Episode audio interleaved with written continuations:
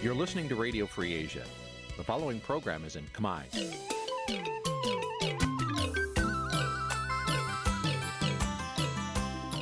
នេះជាកម្មវិធីផ្សាយ Vuthu Azizi Serai នេះជាកម្មវិធីផ្សាយរបស់ Vuthu Azizi Serai ជាភាសាខ្មែរ Vuthu Azizi Serai សូមស្វាគមន៍លោកអ្នកនាងទាំងអស់ពីរដ្ឋធានី Washington នៃសហរដ្ឋអាមេរិក ចាសួស្តីឆ្នាំថ្មីសួស្តីលោកអ្នកនាងកញ្ញាទាំងអស់ជាទីមេត្រីចានាងខ្ញុំម៉ៅសុធានីសូមជម្រាបសួរលោកអ្នកស្ដាប់ទាំងអស់ពីរដ្ឋធានី Washington យើងខ្ញុំសូមជូនការផ្សាយសម្រាប់ព្រឹកថ្ងៃអាទិត្យ14រោចខែមករាឆ្នាំឆ្លូវត្រីស័កពុទ្ធសករាជ2565ហើយដល់ត្រូវនឹងថ្ងៃទី2ខែមករាគ្រិស្តសករាជ2022 ចាក្នុងឱកាសឆ្នាំថ្មីនេះយើងខ្ញុំសូមជូនពរដល់លោកអ្នកនាងព្រមទាំងក្រុមគូសាទាំងអស់សូមជួបប្រកបតែនឹងសេចក្តីសុខសេចក្តីចម្រើនកុំបីឃ្លៀងឃ្លាតឡើយជាកិច្ចចាប់ផ្ដើមនេះនាងខ្ញុំសូមអញ្ជើញលោកអ្នកនាងកញ្ញាស្ដាប់ព័ត៌មានប្រចាំថ្ងៃដែលមានមេត្តាដូចតទៅអា ញាធមមិនទាន់អនុញ្ញាតឲ្យមេធាវីជួបកូនក្តីជាសមាជិកសហជីព Nagavel នៅឡើយគ្រួសារសកម្មជនបពប្រឆាំងដែលអាញាធរថៃ ចាប់បញ្ជូនមកឃុំខ្លួននៅកម្ពុជា ស្នើឲ្យតុលាការដោះលែងពួកគេអ្នកជំនាញថាសេដ្ឋកិច្ចកម្ពុជានៅឆ្នាំ2022អាចងើបឡើងបន្តិចប៉ុន្តែនៅមានបញ្ហាប្រឈមច្រើន អ្នកវិភាគថាលោកហ៊ុនសែននិងកូនប្រុសភ័យខ្លាចបាត់បង់អំណាចទៅឲ្យកងទ័ពជួយការពារទាំងបំពេញច្បាប់ចារួមនឹងព័ត៌មានផ្សេងផ្សេងមួយចំនួនទៀតជាបន្តទៅទៀតនេះនាងខ្ញុំម៉ៅសុធានីសូមជូនព័ត៌មានទាំងនោះពឺស្ដាប់ លោកដានៀងជាទីមេត្រីសមត្ថកិច្ចរាជធានីភ្នំពេញនៅមិនទាន់អនុញ្ញាតឲ្យមេធាវីចូលជួបកូនក្តីដែលជាសមាជិកសហជីព Nagavel ចំនួន10នាក់ដែលអាជ្ញាធរបានចាប់ខ្លួនកាលពីយប់ឆ្លងឆ្នាំសកលថ្ងៃទី31ខែធ្នូនៅឡើយ មន្ត្រីសហជីពកំពុងស្វែងរកជំនួយផ្លូវច្បាប់ដល់ពួកគេខណៈក្រមសហជីពនិងអង្គការសង្គមស៊ីវិលធ្វើការផ្នែកសិទ្ធិមនុស្សហើយនិងសិទ្ធិការងារថ្កោលទោសចំណាត់ការរបស់សមត្ថកិច្ចរាជធានីភ្នំពេញដោយគ្រាន់តែអ្នកទាំងនោះប្រាសិទ្ធតវ៉ារកដំណោះស្រាយការងារដោយសន្តិវិធី ពីក្រុមហ៊ុន Nagavel ជាអ្នកស្រីខែសំណងរាយការណ៍ព័ត៌មាននេះ សហជីពត្រួតត្រងសិទ្ធិការងារបុគ្គលិកកម្មករខ្មែរនៃក្រុមហ៊ុន Naga World ព្រួយបារម្ភពីសុខទុក្ខរបស់ថ្នាក់ដឹកនាំសហជីពនិងសកម្មជនសហជីពទាំង10នាក់ដែលកំពុងស្ថិតក្នុងការសាកសួរនិងឃុំខ្លួននៅស្នងការដ្ឋានរាជធានីភ្នំពេញនៅឡើយ ប្រធានសហជីពត្រួតត្រងសិទ្ធិការងារបុគ្គលិកកម្មករខ្មែរនៃក្រុមហ៊ុន Naga World កញ្ញាឈឹមស៊ីធឲ្យដឹងថាមកដល់ត្រឹមយប់ថ្ងៃទី1មករាមេធាវីដែលបានផ្ដល់ឲ្យអ្នកទាំង10រូបពីក្រុមអង្គការសង្គមស៊ីវិលនិងសហជីពនៅមិនទាន់ត្រូវបានអនុញ្ញាតឲ្យចូលជួបពួកគេនោះទេរីឯបទចោទប្រកាន់លើអ្នកទាំងនោះក៏នៅមិនទាន់ដឹងប្រកាសថាជាបទអ្វីនោះដែរសហជីពបានត្រឹមឃើញសេចក្តីបំភ្លឺរបស់ស្នងការនគរបាលរាជធានីភ្នំពេញប៉ុណ្ណោះ កញ្ញាឈឹមស៊ីធបញ្ជាក់ថាជំហរនៃការជួបជុំដោយសន្តិវិធីដើម្បីទាមទារដំណោះស្រាយការងារនេះគឺជាសេចក្តីសម្រេចរួមរបស់បុគ្គលិកនិងកម្មករ Nagavel មិនមែនជាការសម្រេចចេញពីថ្នាក់ដឹកនាំសហជីពឡើយប៉ុន្តែបើយោងទៅលើលិខិតបំភ្លឺរបស់ស្នងការក្រុងហ្នឹងគឺយើងគិតថាប្រហែលជាអាចចោទពីបទញុះញង់ កម្មព្រមតនបទញុះញង់ដែលជាបទចោទល្បីល្បាញនៅក្នុងការចោទចង់មកប្រទេសខ្មែរអ្នកដែលសម្ដែងមតិអ្នកដែលទាមទារសិទ្ធិនឹងហើយពាក់ព័ន្ធជាមួយនឹងខាងកម្មករយោជិកគឺដូចជំរាបម្ដងជាពីរដងម្ដងមកនេះដល់កម្រិតធ្វើកតកម្មនេះហើយការសម្រេចចិត្តទាំងឡាយមិនមែនជាការសម្រេចចិត្តរបស់សហជីពឬក៏ថ្នាក់នាំសហជីពទេប៉ុន្តែជាការសម្រេចចិត្តរួមរបស់ បងប្អូនកម្មករនៅពេលដែលសួរថាតើពួកគាត់ប្រឈប់ការតវ៉ាអត់ជាអ្វីដែលពួកគាត់ឆ្លើយតបនោះគឺសំណុំពរដំណោះស្រាយដែលពួកគាត់ទាមទារ9ចំណុចអត់ទាន់បានដោះស្រាយគាត់មួយចំណុចណាទាំងអស់ហើយបន្ថែមទៅលើនោះបែរទៅជាចាត់ថ្នាក់ដឹកនាំនឹងសកម្មជនដែលជាតំណាងរបស់ពួកគាត់នៅក្នុងការចរចាដោះស្រាយបញ្ហាពួកគាត់អញ្ចឹង អ្វីដែលគាត់ទៀមទីអត់ដោះស្រាយគាត់ហើយមកចាប់ថ្នាក់ដឹកនាំគាត់ខ្ញុំគិតថាសាធារណជនអាចគិតដឹងថាតើពួកគាត់ព្រមបញ្ចប់ការតវ៉ាឬក៏អត់អញ្ចឹងចម្លើយដែលពួកគាត់បានសម្រេចជាឯកច្ឆន្ទហ្នឹងគឺពួកគាត់មិនអាចបញ្ឈប់ការតវ៉ាបានទេ មន្ត្រីសហជីពអះអាងថាកាលពីយប់ឆ្លងឆ្នាំសកលថ្ងៃទី31ធ្នូស្នងការនគរបាលរាជធានីភ្នំពេញបានដាក់កម្លាំង3ឡានចុះទៅឡោមព័ទ្ធទីស្នាក់ការសហជីពត្រួតត្រងសិទ្ធិការងារបុគ្គលិកកម្មករខ្មែរនិងឆែកឆេរដកហូតសម្ភារៈក្នុងសហជីពរួចចាប់ខ្លួនអគ្គលេខាធិការសហជីពកញ្ញាឈឹមសុខនសកម្មជនសហជីពជាបុគ្គលិក Nagavel ចំនួន7នាក់និងប្តីរបស់សកម្មជនសហជីពជាអ្នកដឹកសម្ភារៈកោតក្រម្នាក់ នៅក្នុងយប់ដដែលនោះសមត្ថកិច្ចបានទៅចាប់ខ្លួនសកម្មជនសហជីពម្នាក់ទៀតនៅកន្លែងជួបជុំកោតកម្មខាងមុខអគារទី1និងអគារទី2នៃក្រុមហ៊ុន Nagavel ដែលសរុបទាំងអស់ចំនួន10នាក់ក៏ប៉ុន្តែនៅក្នុងសេចក្តីបំភ្លឺរបស់ស្នងការដ្ឋាននគរបាលរាជធានីភ្នំពេញកាលពីថ្ងៃទី1ខែមករាសរសេរថាមានមនុស្សតែ9នាក់ប៉ុណ្ណោះដែលអាជ្ញាធរបានឃាត់ខ្លួននេះ។ សេចក្តីបំភ្លឺដដែលប្រាប់ពីមូលហេតុដែលឈានដល់ការឃាត់ខ្លួនអ្នកទាំងនោះថាដោយសារពួកគេបានរៀបចំបាតកម្មខុសច្បាប់នៅខាងមុខក្រុមហ៊ុន Nagavel អស់រយៈពេល13ថ្ងៃហើយដែលធ្វើឲ្យប៉ះពាល់ដល់សន្តិសុខសណ្ដាប់ធ្នាប់សាធារណៈនិងសុវត្ថិភាពសង្គមលិខិតដដែលបញ្ជាក់ថាការចាប់ខ្លួននេះគឺអនុលោមទៅតាមមាត្រា494និងមាត្រា495នៃក្រមព្រហ្មទណ្ឌដែលបច្ចុប្បន្នសមត្ថកិច្ចកំពុងអនុវត្តនីតិវិធីទៅតាមច្បាប់មាត្រានេះ ពាក់ព័ន្ធទៅនឹងបទចោទញុះញង់បង្កឲ្យមានភាពវឹកវរធ្ងន់ធ្ងរដល់សន្តិសុខសង្គមតកតងបញ្ហានេះសហជីពនិងអង្គការសង្គមស៊ីវិលលើកឡើងថាការតវ៉ារបស់កម្មករនិយោជិក Nagavel ជាង1000នាក់អស់រយៈពេលកន្លះខែមកនេះគឺជាការធ្វើកោតកម្មដោយសន្តិវិធី ដែលមានចែងនៅក្នុងច្បាប់ស្តីពីការងារនិងច្បាប់ស្តីពីសហជីព។ ពួកគេបានជូនដំណឹងត្រឹមត្រូវទៅក្រសួងកាងារមិនដោយការអះអាងរបស់សមត្ថកិច្ចនិងសាលារាជធានីភ្នំពេញថាជាបាតកម្មខុសច្បាប់ឬមានបំណងញុះញង់នោះទេប្រធានសម្ព័ន្ធសហជីពកម្ពុជាអ្នកស្រីយ៉ាងសុភ័ណ្ឌមានប្រសាសន៍ថានេះគឺជាវិវាទការងាររវាងក្រុមកម្មករនិយោជិកជាមួយក្រុមហ៊ុន Nagavel មិនគួរសមត្ថកិច្ចចាប់ខ្លួនតំណាងរបស់ពួកគេឡើយខណៈអ្នកតវ៉ានៅមិនទាន់ទទួលបានដំណោះស្រាយ។ អ្នកស្រីចាត់ទុកចំណាត់ការរបស់អាជ្ញាធរនេះថាជាទង្វើមិនអាចទទួលយកបាន និងជារឿងអយុត្តិធម៌ចំពោះក្រុមកោតក្រ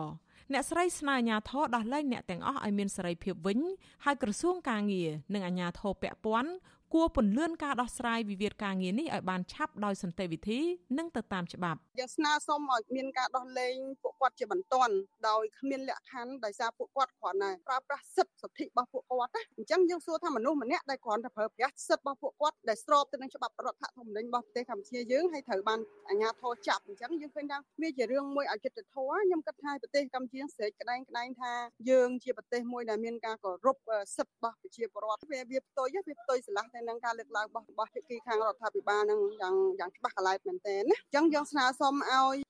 ស្ថានទូតជាតិអន្តរជាតិសហគមន៍អឺរ៉ុបផ្សេងផ្សេងហ្នឹងគឺសូមឲ្យមានការឃ្លាំមើលទៅលើបញ្ហានេះឲ្យបានផុសផុលធ្វើយ៉ាងណាដើម្បីឲ្យមានការដោះលែងពួកគាត់ណាសហព័ន្ធសហជីពកម្ពុជាអំពាវនាវដល់សាធារណជន អង្គការសិទ្ធិមនុស្សជាតិអន្តរជាតិនិងអង្គការសហប្រជាជាតិទទួលបន្ទុកសិទ្ធិមនុស្សនៅកម្ពុជា បន្តតាមដានការចាប់ខ្លួនថ្នាក់ដឹកនាំសហជីពនិងសមាជិកសហជីពទាំងអស់ដោយយកចិត្តទុកដាក់ រីឯសហភាពសហជីពកម្ពុជារបស់លោករងឈុនក៏បានចេញសេចក្តីថ្លែងការណ៍ថ្កោលទោសយ៉ាងដាច់អហង្ការចំពោះទង្វើរបស់អាជ្ញាធររាជធានីភ្នំពេញនិងទាមទារឲ្យអាជ្ញាធរដោះលែងអ្នកទាំងនោះឲ្យមានសេរីភាពវិញដោយឥតលក្ខខណ្ឌនាយករងទទួលបន្ទុកផ្នែកឃ្លាំមើលសិទ្ធិមនុស្សនៃអង្គការលីកាដូលោកអំសំអាតមានប្រសាសន៍ថា ការចាប់ខ្លួនថ្នាក់ដឹកនាំសហជីពកម្មករនេះគឺផ្ដើមចេញពីវិវាទការងារគ្មានដំណោះស្រាយអស់រយៈពេលជាច្រើនខែមកហើយធ្វើឲ្យកម្មករនិយោជិកសម្រេចរើសយកការធ្វើកោតកម្មដើម្បីឲ្យក្រុមហ៊ុនទទួលយកបុគ្គលិកជាង300នាក់ចូលធ្វើការវិញលោកយល់ថាអាញាធរគួរប្រកាន់ជំហរអព្យាក្រឹតដោយមិនគួរលំអៀងទៅភាគីណាមួយឡើយដើម្បីកុំឲ្យមានការថ្កោលទោសជាបន្តបន្ទាប់ពីមតិជាតិនិងអន្តរជាតិជុំវិញវិវាទការងារនៅក្រុមហ៊ុន Nagavel នេះ។ យើងជាអង្គការសង្គមស៊ីវិលដែលយើងធ្វើការផ្នែកសិទ្ធិមនុស្សហ្នឹងយើងនឹងបន្តការតាមដានទៅលើការចាប់ខ្លួននឹងបន្តទៅទៀតណាព្រោះយើងឃើញថាការចាប់ខ្លួននេះដូចជាមិនសមហេតុផលទេពីព្រោះថាបើសិនជាវិវាទការងារវាគួរតែមានការដោះលែងអ្នកទាំងអស់គ្នាឡើងវិញហើយងាកទៅរកតបចរចាដើម្បីបញ្ចប់វិវាទការងារហ្នឹងវាល្អជាជាងការ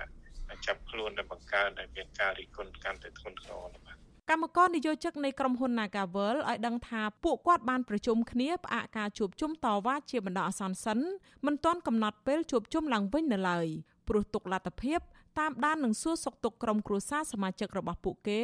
ដែលអាជ្ញាធរបានចាប់ខ្លួនចានាងខ្ញុំខែសុណងវັດឈុអាស៊ីសេរីរាយការណ៍ពីរដ្ឋធានី Washington ចាលោកនាងកញ្ញាកំពុងស្ដាប់ការផ្សាយរបស់វិទ្យុអាស៊ីសេរីផ្សាយចេញពីរដ្ឋធានី Washington មន្ត្រីជាន់ខ្ពស់គណៈបពប្រឆាំងនិងអ្នកវិភាគលើកឡើងថាលោកហ៊ុនសែននិងកូនប្រុសច្បងកំពុងបារម្ភពីការបាត់អំណាចនិងជួបឧបសគ្គក្នុងការផ្ទេរអំណាចនៅពេលខាងមុខទៅផ្ញើសារឲ្យកងទ័ពជួយការពារជាញឹកញាប់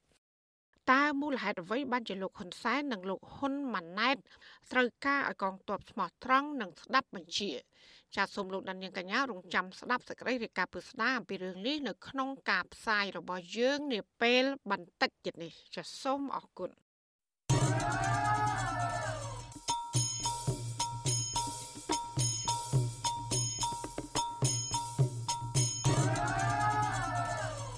ចាលោកនានីជាទីមេត្រីពាក់ព័ន្ធនឹងវិស័យសេដ្ឋកិច្ចវិញ អ្នកជំនាញសេដ្ឋកិច្ចនិងកសិកម្មមើលឃើញថាសេដ្ឋកិច្ចកម្ពុជា អាចនឹងងើបឡើងបន្តិចប៉ុន្តែកម្ពុជា អាចងាយប្រឈមនឹងកត្តាហានិភ័យដោយសារតែការរាតត្បាតនៃជំងឺ Covid-19 សារជាថ្មី ជាពិសេសគឺមេរោគបំផ្លែងថ្មីអូមីក្រុង អ្នកជំនាញទាំងនោះសំណូមពរដល់រដ្ឋាភិបាលត្រូវដាក់ចេញផែនការជាក់លាក់និងមានការចូលរួមអនុវត្តគ្រប់ភាគីទាំងអស់ដើម្បីធានានូវស្ថិរភាពសេដ្ឋកិច្ចនិងជីវភាពរស់នៅរបស់ប្រជាពលរដ្ឋនាគ្រាលំបាកនេះចាលោកសេចបណ្ឌិតរាយការណ៍អំពីរឿងនេះអ្នកជំនាញសេដ្ឋកិច្ចនិងកសិកម្មថាការឆ្លងជំងឺ Covid-19 នៅក្នុងសហគមន៍កន្លងទៅ បានប៉ះពាល់យ៉ាងខ្លាំងដល់សកម្មភាពសេដ្ឋកិច្ចនៅក្នុងស្រុកជាពិសេស ធ្វើឲ្យប៉ះពាល់ដល់មុខរបរអាជីវកម្មទាំងខ្នាតតូចនិងមធ្យមរបស់ប្រជាពលរដ្ឋយ៉ាងខ្លាំងដែលនាំឲ្យបាត់បង់ចំណូលដោយសល់តែបំណុលអ្នកជំនាញកសិកម្មនិងជាប្រធានគណៈកម្មាធិការនយោបាយនៃគណៈបកប្រជាធិបតេយ្យមូលដ្ឋានហៅកាត់ថា GDP លោកបណ្ឌិតយ៉ងសង្គមាថ្លែងថារបាយការណ៍ជុំវិញកំណើនសេដ្ឋកិច្ចកម្ពុជានៅចុងឆ្នាំ2021និងបន្តទៅឆ្នាំបន្ទាប់ទៀតនោះអាចសមស្របតាមស្ថានភាពជាក់ស្ដែង បន្ទាប់ពីរដ្ឋាភិបាលបើកដំណើរការអាជីវកម្មនិងមុខរបរទូទៅឡើងវិញក៏ប៉ុន្តែលោកឲ្យដឹងថាការស្រាវជ្រាវរបស់លោកក្នុងកម្រិតសហគមន៍មូលដ្ឋាន បានបង្ហាញថា ស្ថានភាពសេដ្ឋកិច្ចនេះមិនទាន់មានឥទ្ធិពលជួយដល់ប្រជាពលរដ្ឋឲ្យបានល្អនៅឡើយទេ ជាពិសេសផែនការត្រៀមខ្លួនទប់ទល់នឹងហានិភ័យផ្សេងផ្សេងលោកស្នើទៅរដ្ឋាភិបាលឲ្យសិក្សាឲ្យបានស៊ីជម្រៅនិងវាយតម្លៃឲ្យបានច្បាស់លាស់បន្ថែមទៀត ដើម្បីការពារ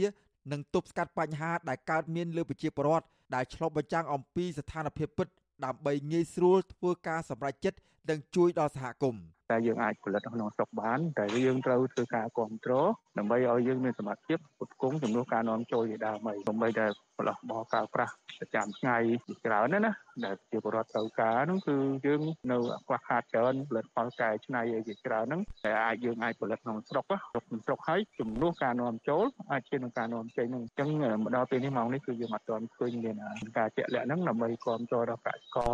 សិប្បករឧស្សាហករហ្នឹងណា ការលើកឡើងនេះបន្ទាប់ពីធនាគារជាតិនៃកម្ពុជាកាលពីថ្ងៃទី31ខែធ្នូឆ្នាំ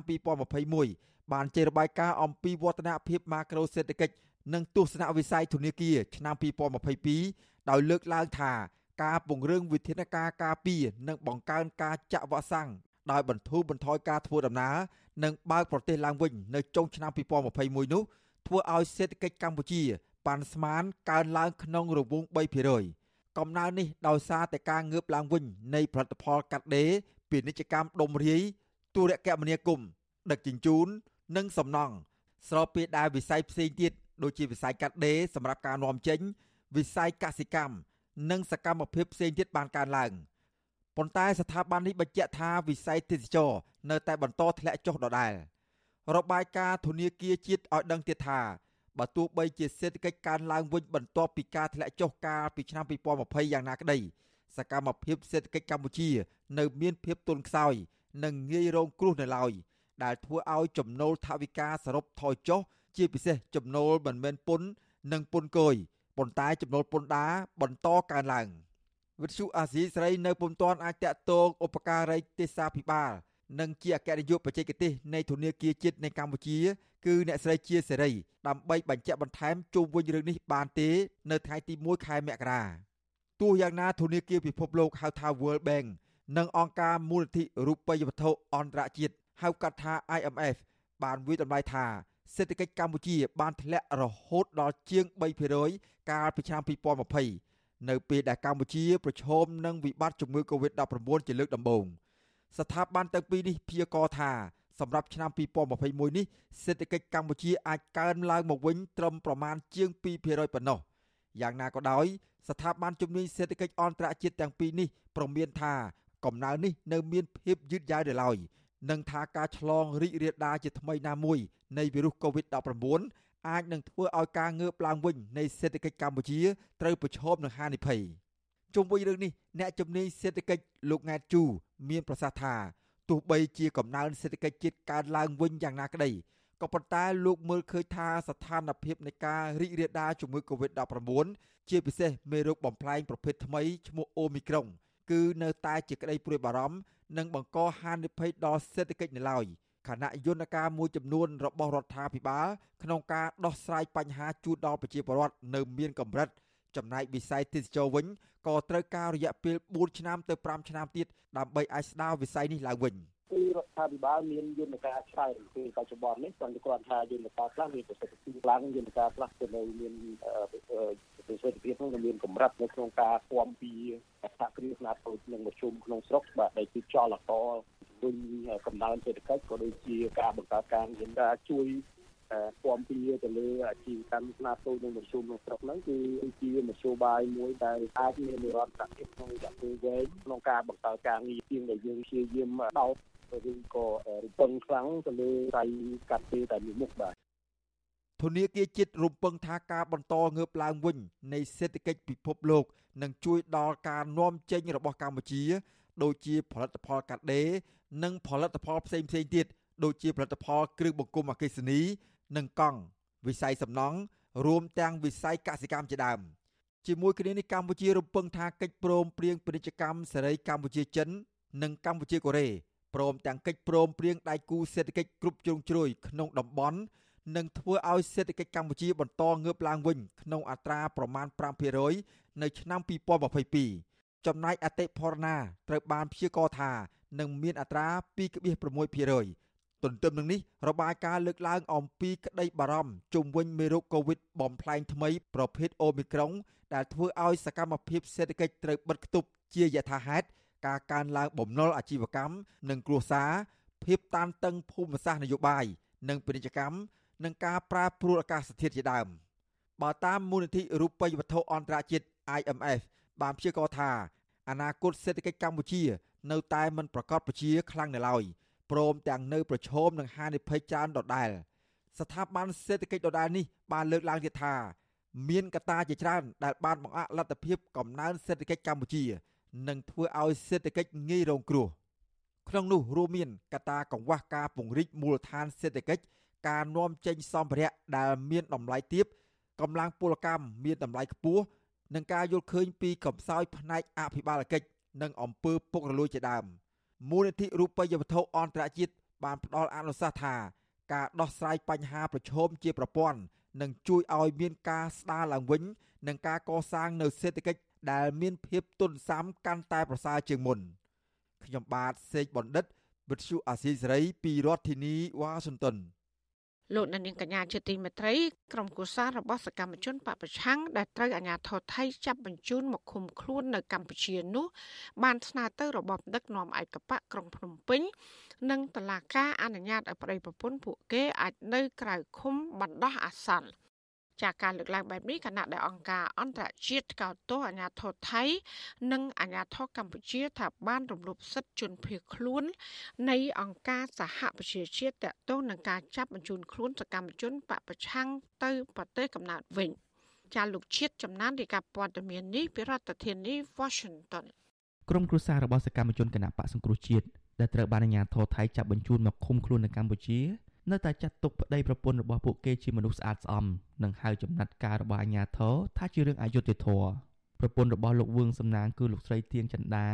ឲ្យវិសុអេស៊ីស្រីដឹងនៅថ្ងៃទី1ខែមករាថាចាប់តាំងពីសមត្ថកិច្ចចាប់ខ្លួនប្តីលោកស្រីដាក់ពន្ធនាគារលោកស្រីបានទៅជួបប្តីពីរលើករួចមកហើយលោកស្រីបន្តថាលោកវឿងសំណាង មានសុខភាពធម្មតាប៉ុន្តែលោកឈឺក្បាលនៅកន្លែងរបួសចាស់ដែលធ្លាប់ត្រូវបានសមត្ថកិច្ចវាយធ្វើបាបកាលពីឆ្នាំ2013កន្លងទៅ ប្រពន្ធសកម្មជនបកប្រឆាំងរូបនេះ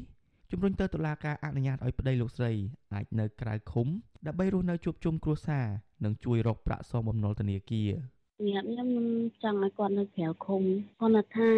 អឺគាត់ជាប់ចិត្តវាមិនវា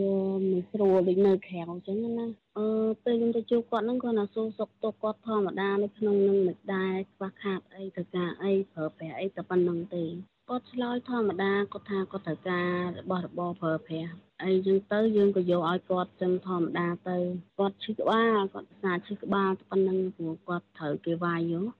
ស្រដៀងគ្នានេះដែរប្តីរបស់លោកស្រីឡាញ់ថាវរី គឺលោកផិនរ៉ាដងឲ្យដឹងដែរថាប្រពន្ធរបស់លោកការរស់នៅប្រទេសថៃដែលជាជនភៀសខ្លួននោះគឺមិនប្រព្រឹត្តអំពើល្មើសច្បាប់នោះទេលោកផិនរ៉ាដងដែលកំពុងរស់នៅប្រទេសថៃប្រាប់ថាលោកគ្រងទៅប្រទេសកម្ពុជា ដើម្បីទៅសួរសុខទុក្ខប្រពន្ធនៅពន្ធនាគារលោកចង់ឃើញតុលាការអនុញ្ញាតប្រពន្ធលោកឲ្យនៅក្រៅឃុំលោកសន្យាថាប្រពន្ធរបស់លោកនឹងអនុវត្តតាមការណែនាំរបស់តុលាការហើយនឹងនាំប្រពន្ធលោកចូលទៅបំភ្លឺតាមការកោះហៅរបស់តុលាការឬសមត្ថកិច្ចអូគេទៅកាត់នេះផងតុលាការគេទៅកាត់នេះផងបាទខ្ញុំចង់ឲ្យគេឲ្យតុលាការមានការឲ្យនៅក្រៅឃុំដល់អសន្នបងព្រោះអីមានខុសអីទៅពុនឈ្មោះរតនដាក់ឃុំទេបង កាលពីចុងឆ្នាំ2021សកម្មជនគណៈបកសង្គ្រោះជាតិ3នាក់រួមមានលោកវឿងសំណាង លោកវឿនវាសនា និងអ្នកស្រីឡាញ់ថាវរីត្រូវបានអាជ្ញាធរកម្ពុជាសហការជាមួយនឹងសមត្ថកិច្ចថៃចាប់បញ្ជូនពួកគេពីប្រទេសថៃយកទៅឃុំខ្លួននៅប្រទេសកម្ពុជាបើទោះបីជាអ្នកនោះគឺជាជនភៀសខ្លួនផ្នែកនយោបាយដែលមានការទទួលស្គាល់ពីអង្គការសហប្រជាជាតិទទួលបន្ទុកជនភៀសខ្លួនប្រចាំប្រទេសថៃក្តីក្រៅពីនេះសមត្ថកិច្ចថៃ ក៏បានចាប់ខ្លួនពលករស្របច្បាប់ដែលគាំទ្រគណៈបកសង្គ្រោះជាតិម្នាក់ទៀតគឺលោកមិចហៀងយកទៅដាក់ពន្ធនាគារនៅកម្ពុជាផងដែរជុំវិញករណីនេះវិសុអេស៊ីសេរីមិនទាន់សុំការបំភ្លឺពីមេធាវីការពារក្តីអ្នកទាំង4នាក់គឺលោកមេធាវីសំសុគង្គបាននៅឡើយទេនៅថ្ងៃទី1ខែមករាចំណែកប្រធានលេខាធិការដ្ឋានសាលាដំបងរាជធានីភ្នំពេញលោកអ៊ីរ៉ានក៏មិនអាចសុំការបំភ្លឺបានដែរទោះជាយ៉ាងណាលោកមេធាវីសំសុគង្គធ្លាប់ឲ្យដឹងការពីពេលថ្មីថ្មីនេះថា លោកក្រុងស្នើសុំទៅតុលាការឲ្យកូនក្តីរបស់លោកអាចនៅក្រៅឃុំបណ្ដោះអាសន្នមេធាវីលើកឡើងថាការចាប់ខ្លួនអ្នកទាំងនោះគឺជាការបំពានសិទ្ធិធ្ងន់ធ្ងរព្រោះពួកគេ3នាក់គឺជាជនភៀសខ្លួនផ្នែកនយោបាយដែលមានការទទួលស្គាល់ពីអង្គការសហប្រជាជាតិទទួលបន្ទុកជនភៀសខ្លួននៅប្រទេសថៃហើយម្នាក់ទៀតជាពលករដែលមានឯកសារគ្រប់គ្រាន់ក្នុងការធ្វើការងារនៅប្រទេសថៃតាក់ទងនឹងការចាប់បញ្ជូនជនភៀសខ្លួនខ្មែរទៅកាន់ប្រទេសកម្ពុជាវិញជាបន្តបន្ទាប់នេះ អង្គការឃ្លាំមើលសិទ្ធិមនុស្សអន្តរជាតិ Human Rights Watch និងឧត្តមស្នងការអង្គការសហប្រជាជាតិទទួលបន្ទុកជនភៀសខ្លួនសោកស្ដាយនឹងថ្កោលទោសចំពោះរដ្ឋាភិបាលថៃនិងកម្ពុជា ថាកំពុងរំលោភសិទ្ធិមនុស្សធ្ងន់ធ្ងរដែលមិនអាចទទួលយកបាននោះឡើយ។នាយករងទទួលបន្ទុកកិច្ចការតំបន់អាស៊ីនៃអង្គការឃ្លាំមើលសិទ្ធិមនុស្សអន្តរជាតិ Human Rights Watch លោក Phil Robertson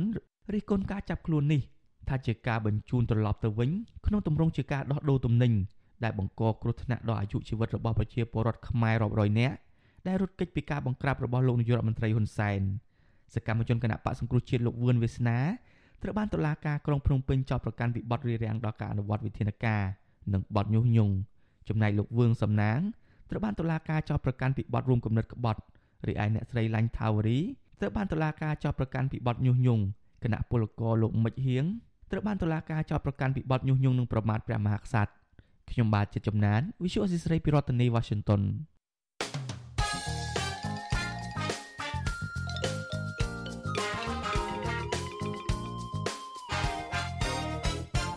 ចាលោកអ្នកស្ដាប់ទទីមេត្រីក្រសួងសុខាភិបាលរកឃើញជំងឺ Covid-19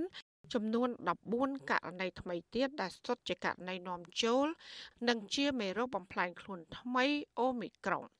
ចំពោះករណីស្លាប់វិញក្រសួងប្រកាសថាมันមានអ្នកស្លាប់ថ្មីនោះទេចាគិតត្រឹមថ្ងៃទី1ខែមករាឆ្នាំ2022នេះ កម្ពុជាមានអ្នកកើតជំងឺ Covid-19 សរុបប្រមាណ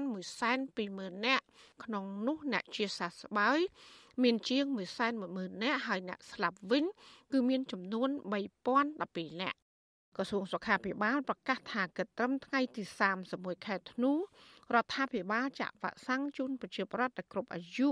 បានប្រមាណ10លាន1សែននាក់សម្រាប់ដូសទី1និង9លាន8សែននាក់សម្រាប់ដូសទី2 ចំណែកកុមារនិងយុវជនដែលមានអាយុពី5ឆ្នាំដល់17ឆ្នាំវិញ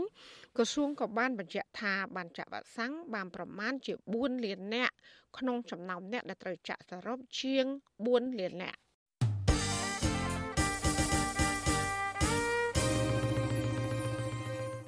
ចាលោកនាងជាទីមេត្រីភ្ញៀវទេសចរក្នុងស្រុកបាននាំគ្នាដើរលេងកម្សាន្តយ៉ាងច្រើននៅជួបឆ្លងឆ្នាំចាស់ចូលឆ្នាំថ្មី2022 អ្នកជំនាញផ្នែកទេសចរថានេះគឺជាសញ្ញាល្អសម្រាប់វិស័យទេសចរក៏ប៉ុន្តែនៅតែព្រួយបារម្ភថាជំងឺ Covid-19 អាចកើនឡើងឡើងវិញដោយសារតែមានប្រជាប្រដ្ឋខ្លះមានការធ្វេសប្រហែសនិងមិនបានពាក់ម៉ាស់ត្រឹមត្រូវ។បរដ្ឋម្នាក់នៅខេត្តបរសៃអនុលោកសួនណារ៉ាឲ្យដឹងថាភ្ញៀវទេសចរក្នុងស្រុក មកលេងយ៉ាងកុះកហើយបានដើរកំសាន្តនិងបោះតង់ដេកចាំឆ្លងឆ្នាំនៅតាមមាត់ឆ្នេរ លោកឲ្យដឹងទៀតថានៅយប់ឆ្លងឆ្នាំចរាចរណ៍ក្នុងក្រុងបរសៃអនុក៏ស្ទះគ្រប់ផ្លូវបរដ្ឋរូបនេះសង្កេតឃើញថាភ្ញៀវទេសចរជាច្រើនព្យាយាមពាក់ម៉ាស់តែมันអាចរក្សាគម្លាតសុវត្ថិភាពបានត្រឹមត្រូវទេដោយសារតែមនុស្សមកដើរលេងកម្សាន្តច្រើនពេកនៅទីតាំងប្រមូលផ្ដុំគ្នាតាមមាត់ឆ្នេរនិងតាមដងផ្លូវ ទោះយ៉ាងណាលោកបញ្ជាក់ថាបរិវត្តច្រើនគ្រាន់តែដើរមកលេងរយៈពេលខ្លីប៉ុណ្ណោះពីព្រោះពួកគេខ្វះខាតជីវភាពបណ្ដាលមកពីវិបត្តិជំងឺ Covid-19 ឆ្នាំនេះខ្ញុំថាវាអត់មានមនុស្សបែរជាមានច្រើនហ្មងផ្ទះគ្រប់កន្លែងអស់មកបតោយឆ្នេរផ្ទះហ្មងនិយាយរួមទៅបុរាណណាភ្ញៀវគាត់ដើរច្រើនប៉ុន្តែគាត់ឆាប់ទៅវិញដោយសារតែអូយវិបត្តិកូវីដគាត់អត់មានលុយទេគាត់ឆាប់ទៅវិញមានអ្នកខ្លះដូចជា30 40%អីតែអ្នកគាត់មានលុយអញ្ចឹងគាត់អាចនៅបន្តមកយកពីយកទៀត បរដ្ឋបាននាំគ្នាសម្រុកដើរលេងកំសាន្តឆ្លងឆ្នាំក្រោយដែលរដ្ឋាភិបាល ប្រកាសបិទបញ្ចប់ព្រឹត្តិការណ៍20កុម្ភៈកាលពីថ្ងៃទី20ខែធ្នូនិងលើកទឹកចិត្តឲ្យប្រជាពលរដ្ឋដើរលេងកំសាន្តតាមតំបន់ទេសចរឡើងវិញ។ ក៏ប៉ុន្តែដូចជាការឆ្លងឆ្នាំ2021ដែរនៅឆ្នាំនេះអាជ្ញាធររក្សាវិធានការដដែលគឺមិនអនុញ្ញាតឲ្យមានការរៀបចំប្រគំតន្ត្រី ឬក៏តាំងពិព័រណ៍ត្រង់ទ្រាយធំក៏ប៉ុន្តែជំនួសដោយការដាក់ពង្រាយកងកម្លាំងរៀបចំសម្ដាប់ធ្នាប់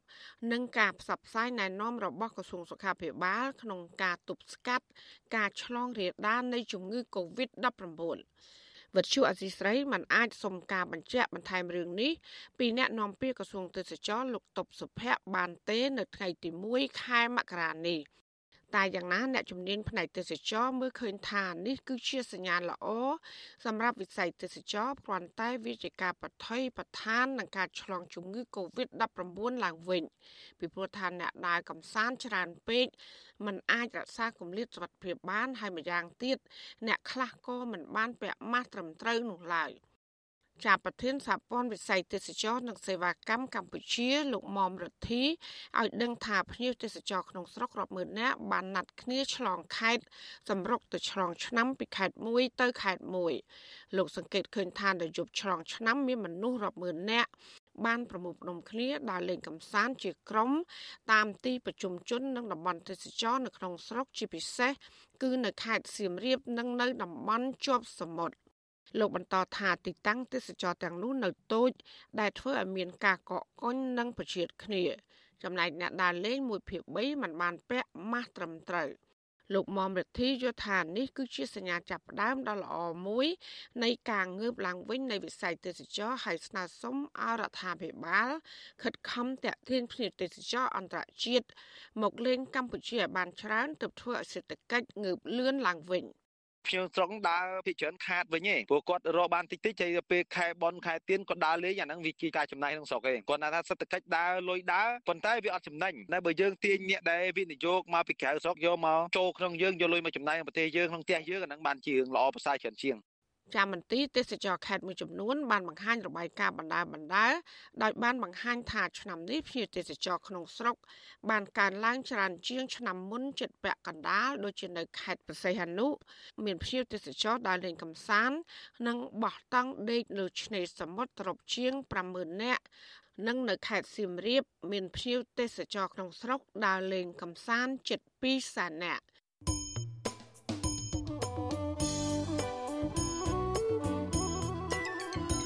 លោកអ្នកនាងកញ្ញាកំពុងស្ដាប់ការផ្សាយរបស់វិទ្យុអាស៊ីស្រីផ្សាយចេញពីរដ្ឋធានី Washington ជាវិទ្យុអសីស្រីផ្សាយតាមរលកធាតុអាកាសខ្លីឬ short wave តាមកម្រិតនិងកម្ពស់ដូចតទៅ ពេលព្រឹកចាប់ពីម៉ោង5កន្លះដល់ម៉ោង6កន្លះតាមរយៈរលកធាតុអាកាសខ្លី9390 kHz ស្មើនឹងកម្ពស់ 32m ហើយនឹង11850 kHz ស្មើនឹងកម្ពស់ 25m ចាសម្រាប់ពេលយប់វិញចាប់ពីម៉ោង7កន្លះដល់ម៉ោង8កន្លះ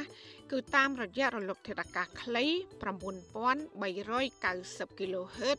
ស្មើនឹងកម្ពស់ 32m ហើយនឹង15155 kHz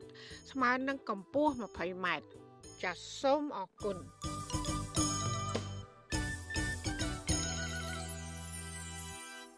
លោកអ្នកនាងកញ្ញាកំពុងស្ដាប់ការផ្សាយរបស់វិទ្យុអាស៊ីស្រីផ្សាយចេញពីរដ្ឋធានី Washington ប្រជាប្រដ្ឋ7គ្រួសាររស់នៅលើកោះទុនសាយក្រុងកែបសំណូមពរឲ្យក្រុមហ៊ុនទ្រីភិបគ្រប់ជួយលើកកម្ពស់សេដ្ឋកិច្ចរបស់ពួកគាត់ឲ្យមានភាពល្អប្រសើរឡើងវិញ។ ចាពួកគាត់សង្កេតឃើញថាការអភិវឌ្ឍរបស់ក្រុមហ៊ុននេះគឺបានឈូសឆាយធនធានព្រៃឈើជីវៈចម្រុះនៅលើផ្ទៃកោះនិងរដ្ឋបិទកន្លែងដែលភ្ញៀវធ្លាប់ទៅកំសាន្តដែលជាហេតុធ្វើឲ្យពួកគាត់ពិបាករកប្រាក់ចំណូលដោះស្រាយជីវភាពក្នុងគ្រួសារចាសសេចក្តីរាយការណ៍ពុស្ដាអំពីរឿងនេះលោកនាងក៏នឹងបានស្ដាប់នាពេលបន្តិចទៀតនេះ thank you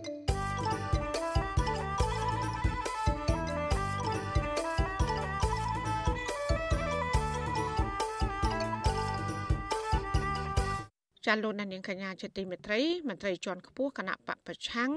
និងអ្នកវិភាគលើកឡើងថាលោកហ៊ុនសែននិងកូនប្រុសច្បងរបស់លោកកំពុងភ័យព្រួយរឿងបាត់អំណាចនិងជួបឧបសគ្គក្នុងការផ្ទេរអំណាចនៅពេលខាងមុខទៅផ្ញើសារឲ្យកងទ័ពជួយការពារជាញឹកញយក្នុងរយៈពេលចុងក្រោយនេះ។ ចាពួកគេសង្កេតឃើញថាបន្ទាប់ពីលោកហ៊ុនម៉ាណែតដែលទើបក្លាយជាបេក្ខភាពនាយករដ្ឋមន្ត្រីបន្តវេនពីឪពុក បានបញ្ចេញសារជាបន្តបន្ទាប់អំពីនីវឲ្យកងទ័ពត្រូវតែស្មោះត្រង់ស្ដាប់បញ្ជានិងការពារពួកលោកក្នុងឋានៈជាអ្នកដឹកនាំប្រទេសចាប់ពីរដ្ឋធានី Washington លោកសេកបណ្ឌិតមានសេចក្តីរាយការណ៍ពុស្ដាមួយទៀតជំវិញព័ត៌មាននេះ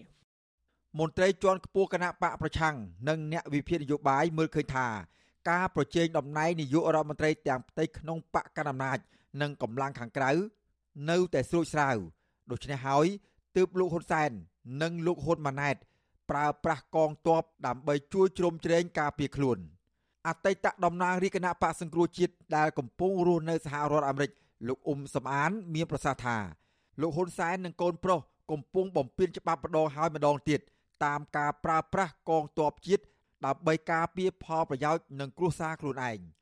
លោកថាកងទ័ពគឺត្រូវអព្យាក្រឹតហើយមានកាតព្វកិច្ចការពារសន្តិសុខសวัสดิភាពប្រជាពលរដ្ឋនិងការពារទឹកដីពីការឈ្លានពានរបស់បរទេសជិតខាង លោកសង្កេតឃើញថាក្នុងទូនាទីជាមេបញ្ជាការកងទ័ពជើងគោកលោកហ៊ុនម៉ាណែតមិនបានប្រើប្រាស់កងទ័ពដើម្បីការពារជាតិនិងប្រជាពលរដ្ឋតាមច្បាប់នោះទេឧទាហរណ៍លោកហ៊ុនម៉ាណែត រក្សាភាពស្ងៀមស្ងាត់រឿងកងទ័ពវៀតណាមបោះតង់តាមព្រំដែនបណ្ដោយឲ្យមន្ត្រីយោធាមួយចំនួន រំលោភយកដីរបស់ប្រជាពលរដ្ឋនិងអំពើពុករលួយបកពួកនិយមក្នុងជួរកងទ័ពជាដើម។ លោកហ៊ុនសែនក៏ដូចលោកហ៊ុនម៉ាណែតឲ្យកងទ័ពដើម្បីការពារសំណងនាំហ្នឹងគឺដើម្បីការពារអំណាចតកូលហ៊ុននោះទេព្រោះហេតុអីគាត់ភ័យខ្លាចនៅពេលដែលលោកហ៊ុនម៉ាណែតឡើងទៅជានាយករដ្ឋមន្ត្រីហ្នឹងមុនមិនទាន់បានឡើងទៅជានាយករដ្ឋមន្ត្រីអាចមានការរើបំរាស់ផ្ទៃក្នុងក្នុងចំណោមមន្ត្រីចាស់ចាស់ដែរលោកសខេងអីចឹងគាត់ជាអ្នកតស៊ូពីយូរមកហើយហើយបែរជាលោកហ៊ុនសែនគាត់ចង់ជប់ហើយបែរមិនឲ្យគាត់ដឹកនាំបន្តពីគាត់ទៅទៅវិញឲ្យកូនគាត់ស្នងតំណែងពីគាត់ទៅវិញដូច្នេះគេអត់សប្បាយចិត្តទេគេអាចនឹងរើបំរាស់នៅពេលណាមួយដូច្នេះលោកហ៊ុនសែនក៏ចង់ទប់កុំឲ្ឲ្យមានការបរើបំរាស់ផ្ទៃក្នុងទី1ទី2លោកហ៊ុនម៉ាណែតក៏ដោយលោកហ៊ុនសែនក៏ព្រួយបារម្ភជាបរដ្ឋគេអត់សប្បាយចិត្តទេគេនឹងក្រោកឈរឡើងដើម្បីឲ្យមានការផ្លាស់ប្ដូរមេដឹកនាំប្រតិការវងតកូលមន្ត្រីជាន់ខ្ពស់គណៈបកប្រឆាំងរូបនេះបន្តថាទោះបីជាលោកហ៊ុនម៉ាណែតคล้ายជាពេកភាពនាយករដ្ឋមន្ត្រីរបស់បកកណ្ដាលអំណាចក្តីក៏លោកជឿថារឿងនេះមិនទាន់មានការស្រោះស្រួលគ្នាផ្ទៃក្នុងជាផ្លូវការនោះទេលោកយល់ថា អិសរាជជននយោបាយចាស់ចាស់របស់បកប្រជាជនកម្ពុជាមួយចំនួន នៅតែមិនពេញចិត្តចំពោះបេក្ខភាពលោកហ៊ុនម៉ាណែតម្លោះហើយទើបឪពុកកូនទាំងពីរផ្ញើសារដល់កងទ័ពដើម្បីត្រៀមទប់ទល់ចលនាឬបំរាស់ណាមួយ ដែលពួកគេចោទថា ជាក្រុមបដិវត្តពណ៌ បោះឆ្នោតនោះបោះឆ្នោតលើកដៃណាមិនមានបោះឆ្នោតសម្ងាត់ហ្នឹងហើយបេក្ខជនមិនហ៊ានដាក់2 3នាក់ដើម្បីប្រគួតប្រជែងជាមួយលោកហ៊ុនម៉ាណែតហ្នឹងដាក់តែម្នាក់ឯងណាបើគេចង់បោះឆ្នោតឲ្យអ្នកផ្សេងក៏គេមិនដឹងបោះយ៉ាងម៉េចដែរបើដាក់បេក្ខជនមួយហើយបោះលើកដៃទៀតមានណាដែលហ៊ានប្រឆាំងទៅនឹងការបោះឆ្នោតតាមរយៈការលើកដៃហ្នឹងបើប្រឆាំងទៅប្រកាសជា គេកត់សម្គាល់ធ្វើបាបហ្នឹងគេបដិចេញពីបាក់អញ្ចឹងហើយបើសិនជាលោកហ៊ុនម៉ាណែតនិងលោកហ៊ុនសែនហ្នឹងក្លាហានដាក់បេក្ខជនឲ្យច្រើនទៅក្នុងនោមបេក្ខជនចេញពីគណៈបព្វជិជនហ្នឹងហើយទី2បោះឆ្នោតសម្ងាត់ទៅបើយើងដឹងថាលទ្ធផលហ្នឹងវាយ៉ាងម៉េចក៏ប៉ុន្តែគាត់អត់ហ៊ានធ្វើអញ្ចឹងទេព្រោះគាត់ថាបើបោះឆ្នោតអញ្ចឹងគាត់จะចាញ់ទេលោកហ៊ុនម៉ាណែតគាត់ប្រកាសជាមិនបានជាប់ជាបេក្ខជននាយករដ្ឋមន្ត្រីក្នុងគណៈនោមគណៈបព្វជិជនហើយលោកហ៊ុនសែនក៏បានគម្រាមមុនហ្នឹងដែរថាអាចនឹងមានសង្គ្រាមអញ្ចឹងទៅទន្ទឹមគ្នានេះ អ្នកវិភាគចាស់ភាសាលោកបណ្ឌិតឡៅម៉ុងហៃថ្លែងថាលោកមានការងឿងឆ្ងល់ដែលលោកនាយករដ្ឋមន្ត្រីហ៊ុនសែនចាប់ផ្ដើមនិយាយរឿងបដិវត្តពណ៌និងផ្ញើសារឲ្យកងទ័ពត្រូវតែស្មោះស្ម័គ្រនឹងការពាររដ្ឋធម្មនុញ្ញឡើងវិញខណៈពាក្យទាំងនេះបានស្ងប់ស្ងាត់មួយរយៈពេលមកហើយលោកបន្តថាបើប្រៀបធៀបនឹងព្រឹត្តិការណ៍ពីមុនពីមុនមក បង្ហាញឲ្យឃើញថា លោកនាយករដ្ឋមន្ត្រីហ៊ុនសែនទំនងជានៅតែព្រួយបារម្ភអំពីរឿងការប្រជែងអំណាចខ្លាំងក្លាដដែលទើបលោកនិយាយរឿងបដិវត្តពណ៌និងផ្ញើសារដល់កងទ័ពជាញឹកញាប់ឡើងវិញ។ ហើយរឿងបដិវត្តពណ៌បអីនៅតាមខ្ញុំដឹងនឹងមិនមែនជាល្មើសច្បាប់ព្រហ្មទណ្ឌនោះទេក្នុងច្បាប់ព្រហ្មទណ្ឌតាមខ្ញុំដឹងវាអត់មានចែងថាបដិវត្តពណ៌ជាបទល្មើសព្រហ្មទណ្ឌទេហើយមួយទៀតរឿងកងទ័ពនេះទៀតបើតាមច្បាប់យើងហ្នឹងគឺត្រូវអព្យាក្រឹតទេបាទក៏ប៉ុន្តែនាយករដ្ឋមន្ត្រីគឺយ៉ាងឯងមានអំណាចប្រើប្រាស់កងទ័ពក៏ប៉ុន្តែកងទ័ពនឹងមានភារកិច្ចចែងនៅច្បាប់លក្ខន្តិកទូទៅចំពោះយោធិនហ្នឹងបាទការពារជាតិការពារសង្គមហើយគឺបើសិនជាចាំបាច់ជួយធ្វើអន្តរាគមន៍ដើម្បីថែរក្សាសន្តិសុខក្នុងប្រទេសជួយប្រជាពលរដ្ឋមិនអាចប្រើប្រាស់ដែលកងទ័ពទៅកំទេចអ្នកណាអ្នកណាទេកងទ័ពមិនត្រូវតែគោរពដែលសិទ្ធិសេរីភាពរបស់ប្រជាពលរដ្ឋដែរការលើកឡើងបែបនេះគឺបន្ទាប់ពីលោកនាយករដ្ឋមន្ត្រីហ៊ុនសែននិងកូនប្រុសរបស់លោកគឺលោកហ៊ុនម៉ាណែតដែលទើបនឹងក្លាយជាទាយិតស្នងតំណែងនោះបានផ្ញើសារបន្តបន្ទាប់គ្នាឲ្យកងទ័ពត្រូវតែស្មោះស្ម័គ្រនឹងការពារពួកលោកក្នុងឋានៈ ជាអ្នកដឹកនាំប្រទេស កាលពីថ្ងៃទី25ធ្នូលោកហ៊ុនម៉ាណែត បានផ្ញើសារថាកិច្ចការសំខាន់បំផុតរបស់កងទ័ពជើងគោកគឺត្រូវការពារសន្តិសុខសុវត្ថិភាព និងអាយុជីវិតរបស់ថ្នាក់ដឹកនាំប្រទេសក្រោយមកនៅថ្ងៃទី29ខែធ្នូលោកហ៊ុនសែនបានចេញមុខការពារសារកូនប្រុសរបស់លោកថា ជារឿងត្រឹមត្រូវនិងប្រតិកម្មធ្ងន់ធ្ងរចំពោះអ្នកដែលរិះគន់សាររបស់លោកហ៊ុនម៉ាណែតនេះ លោកហ៊ុនសែនបានលើកឡើងនៅចំពោះមុខក្រមមន្ត្រីកងទ័ពនិងនគរបាលជាន់ខ្ពស់កម្ពុជាថាក្នុងនាមជានាយករដ្ឋមន្ត្រី លោកមានសិទ្ធិបញ្ជាកងទ័ពស្របតាមរដ្ឋធម្មនុញ្ញលោកបន្តថាសពថ្ងៃនេះបដិវត្តពណ៌នៅតែបន្តមានដូច្នេះលោកអំពាវនាវឲ្យយោធា និងកងកម្លាំងប្រដាប់អាវុធទាំងអស់ត្រូវត្រៀមខ្លួនកំទេចអ្នកធ្វើបដិវត្តពណ៌ឬអ្នកប៉ុនប៉ងផ្ដួលរំលំលោកពីអំណាច លោកថែមទាំងព្រមានថា ប្រសិនបើកងទ័ពឬមេនគរបាលណា មិនស្ដាប់បទបញ្ជាទេ លោកនឹងដកចោលមួយរំពេចអ្នកឯងមិនចង់ឲ្យខ្ញុំបញ្ជាតបដែលចង់ដកសិទ្ធិខ្ញុំហើយយ៉ាងម៉េចដែលនិយាយអំពីនាយករដ្ឋមន្ត្រីពាក់ខោអាវទាហានបញ្ជាទាហានខ្ញុំធ្វើតាមក្របខ័ណ្ឌរដ្ឋធម្មនុញ្ញអ្នកណាក៏ដោយដែលប៉ះពាល់នឹងរដ្ឋធម្មនុញ្ញ កម្លាំងប្រាវុធទៅកំទេចចោលឧទាហរណ៍រដ្ឋបហាចេញមិនថាមកពីតារាទេត្រូវធ្វើសកម្មភាពភ្លាមបំផ្លាញចោលអត់មានឲ្យអ្នកឯងមកបង្កើតបដិវត្តពណ៌នៅក្នុងនឹងឯងហើយមួយថ្ងៃក្រោយមកលោកហ៊ុនម៉ាណែតក៏បានផ្ញើសារឲ្យកងទ័ពទាំងអស់ត្រូវអនុវត្តតាមអនុសាសន៍របស់ឪពុករបស់លោកដែលថាការប៉ុនប៉ងផ្ដួលរំលំរដ្ឋាភិបាលនិងការប្រមាថព្រះមហាក្សត្រគឺមិនអាចលើកលែងបានឡើយតកតូននឹងករណីនេះ អ្នកនាំពាក្យគណៈបកប្រជាជនកម្ពុជា លោកសុកអេសាន ថ្លែងការពីថា សារអំពាវនាវរបស់លោកនាយករដ្ឋមន្ត្រីហ៊ុនសែននិងលោកហ៊ុនម៉ាណែតធ្វើឡើងក្នុងមុខតំណែងរបស់ពួកគាត់ដូច្នេះគ្មានអ្វីខុសទាស់នោះទេ លោកចាត់ទុកថា ការលើកឡើងរបស់មន្ត្រីបកប្រឆាំងនិងអ្នកវិភាគទៅវិញទេ ដែលមានចេតនាមួលបង្កាច់ខុសពីការពិត ហើយការនិយាយថាការអំពាវនាវដើម្បីការពារផលប្រយោជន៍គ្រួសារសម្ដេចតេជោហ៊ុនសែនឬគ្រួសារនេះគ្រាន់តែជាការមូលបង្កាច់ទេហើយវារំលោភលើទួនាទីភារកិច្ចរបស់រាជរដ្ឋាភិបាលដែលមានចែងនៅក្នុងរដ្ឋធម្មនុញ្ញហើយនឹងទួនាទីរបស់កងទ័ពដែលជាឧបករណ៍ដាច់ដៃរបស់រាជរដ្ឋាភិបាលរបស់ប្រជាជននៅក្នុងការការពារសេចក្តីសុខសាន្តសានរបស់ប្រជាជននិងប្រទេសជាតិបាទ ទោះយ៉ាងណាក្តីមន្ត្រីគណៈបកប្រឆាំងនិងអ្នកវិភាគយល់ថាសាររបស់លោកហ៊ុនសែនបញ្ជាឲ្យកងទ័ពទៅកំទេចប្រជាពលរដ្ឋដែលគ្រាន់តែអនុវត្តសិទ្ធិសេរីភាពជាមូលដ្ឋានរបស់ខ្លួន ហើយចោទថាជាបដិវត្តពណ៌នោះ គឺជាការរំលោភច្បាប់ពួកគាត់ចាត់ទុកថា ភាសាកំទេចគឺជាភាសាកុម្មុយនីសដែលមានន័យស្មើនឹងសម្លាប់ម្យ៉ាងវិញទៀតពួកគាត់មើលឃើញថា ការផ្ញើសារដល់កងទ័ពនៅពេលនេះ គឺលោកហ៊ុនសែននិងលោកហ៊ុនម៉ាណែតត្រូវការកងទ័ពដើម្បីជួយការពារអំណាចផ្ទាល់ខ្លួន និងដើម្បីជួយធានាថា ផែនការផ្ទេរអំណាចពីឪពុកទៅកូន នៅពេលខាងមុខប្រព្រឹត្តទៅដោយរលូនពលគឺមិនមែនជាការការពាររដ្ឋធម្មនុញ្ញនោះទេ ខ្ញុំបាទសេកបណ្ឌិតវិទ្យុអាស៊ីសេរីពីរដ្ឋធានីវ៉ាស៊ីនតោន